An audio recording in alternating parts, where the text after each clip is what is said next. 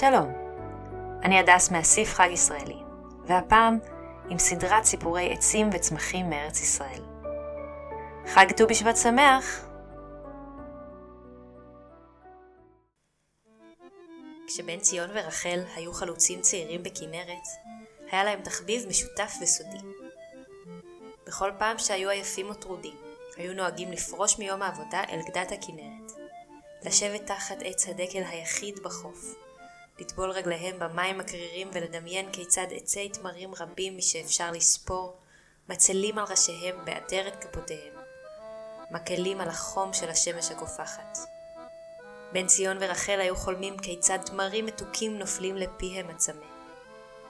אז היה רווח להם מעט והיו מוצאים את הכוחות לחזור לעבודה. פעם, כשעוד היו ילדים באירופה, בט"ו בשבט היו מקבלים משלוח של תמרים, ועם הפירות המתוקים היו מגיעים סיפורים על ארץ ישראל, ארץ זבת חלב ודבש. כשהגיעו ארצה ציפו לפגוש בעצים הגבוהים והמרשימים, אך הופתעו לגלות שמטעי התמרים נעלמו מארץ ישראל, ורק עצים בודדים נותרו בכפרים הערביים. אז החלו לחלום לגדל בעצמם מטעי תמרים, שייתנו פירות מתוקים ומזינים לכל יושבי הארץ. יום אחד קרה דבר נורא. רחל חלתה ונפטרה בטרם עת. בן ציון, כמו כל החברים והחברות בקיבוץ, היה עצוב מאוד ובודד, אך חלומם המשותף לא עזב אותו. הוא חש כאילו ברית של תמרים נקשרת בליבו, ונותנת לו כוח להמשיך בעבודה הקשה בשדות בקיבוץ. ובאמת, תמיד היו דברים דחופים יותר, במטבח הפועלים ובחצר, בשדה ובבניין. בן ציון לא העז לעשות צעד, אך חלום התמרים לא נשכח מליבו. יום אחד הציע אחד החברים בכנרת לשפר את החצר ולטעת תמרים. מיד זיהה בן ציון את ההזדמנות והציע נלך לכפר הערבי השכן ונבקש מראש הכפר חוטר מאחד העצים. ניגשו אל השייח, אשר בחצרו גדל התמר הטוב ביותר בכפר, וזה ענה, לעולם לא אתן מחוטריו, בעד כל הון שבעולם. רק לי ולבניי יהיה התמר הזה. הלכו ופנו לטוחן הקמח היהודי ששערו לבן משיבה ומקמח. וזה השיג להם מספר חותרים מכפר אחר. אלו נקלטו באדמה, אך אבוי, לאחר מספר שנים התגלה כי היו אלה עצים זכרים בלבד, והם אינם יכולים להניב פירות. אך בן ציון כבר לא היה יכול לעצור. הוא המשיך וחיפש, עד שהצליח להשיג חותרי תמרים ממצרים הרחוקה, והעצים האלו אף הניבו פירות.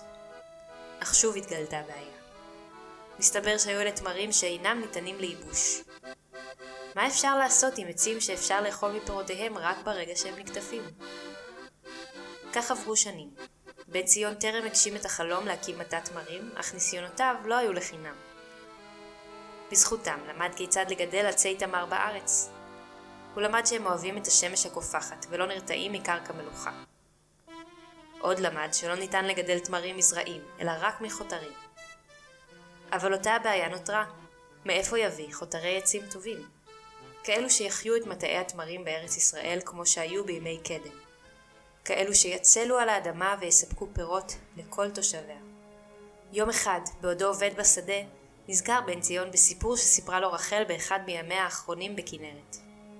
סיפור על יהודי זקן שעשה את כל הדרך מעיראק לארץ ישראל במשך חודשים על חמור לבן, ומה שנתן לו את הכוח לדרך היו בסך הכל שלושה תמרים שהיו בכיסו. בן ציון לא ידע אם הסיפור אמת או בדיה, אך בזכותו נרקמה במוחו תוכנית שאפתנית במיוחד. אסע לעיראק, ומשם אביא חותרי תמרים ראויים, אמר באספת הקיבוץ.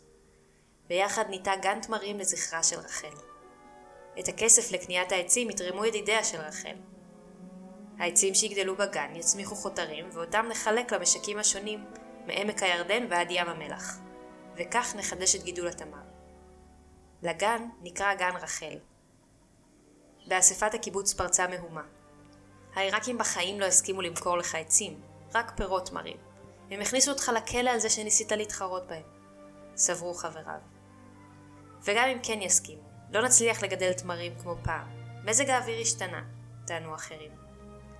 בן ציון, יש דברים חשובים יותר. אנחנו קורסים מרוב עבודה, הוסיפו. בן ציון הקשיב רוב קשב, לכל אמירה הייתה לו תשובה. ברית התמרים בערה בליבו. לאחר שעות של דיונים הבינו החברים. כשבן ציון רוצה משהו, אף אחד לא יצליח לעצור אותו. ההכנות נמשכו כשנתיים. בן ציון גייס כספים מידידיה של רחל, למד על זני התמרים בעיראק ועל הדרכים להגיע אליה. עד שיום אחד יצא לבדו, עם 17 לירות בכיסו, לבגדד. בן ציון עבר שלל הרפתקאות וחוויות. ראה נופים מרהיבים ואפילו פגש יהודים, אשר בעצמם התרגשו לפגוש בפעם הראשונה חלוץ מארץ ישראל. הוא פגש אנשים טובים וגם פחות טובים, ונקלע לא פעם למצבים בלתי אפשריים. בכל פעם שנתקל בקושי או חשש מכישלון התוכנית, זמזם לעצמו את השיר שכתבה רחל. שם, על חוף ים, יש דקל שפל צמרת. ושוב חש כאילו שניהם על גדת ים כנרת.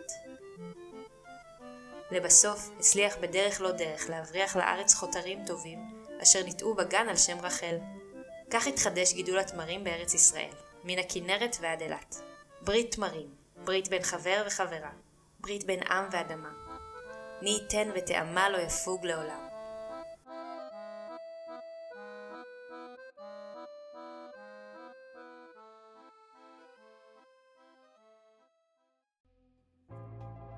נהנים להאזין לפודקאסט שלנו? עקבו אחרי אסיף חג ישראלי בפייסבוק ובאינסטגרם, ותקבלו תכנים נוספים מבית היוצר שלנו. הצטרפו גם לקהילת הפייסבוק ביחד על הגג, שבתות וחגים במשפחה, בשביל לשתף דילמות ומחשבות בנושא שמעסיקות אתכם. וכמובן, מוזמנים תמיד לאתר www.asif.org.il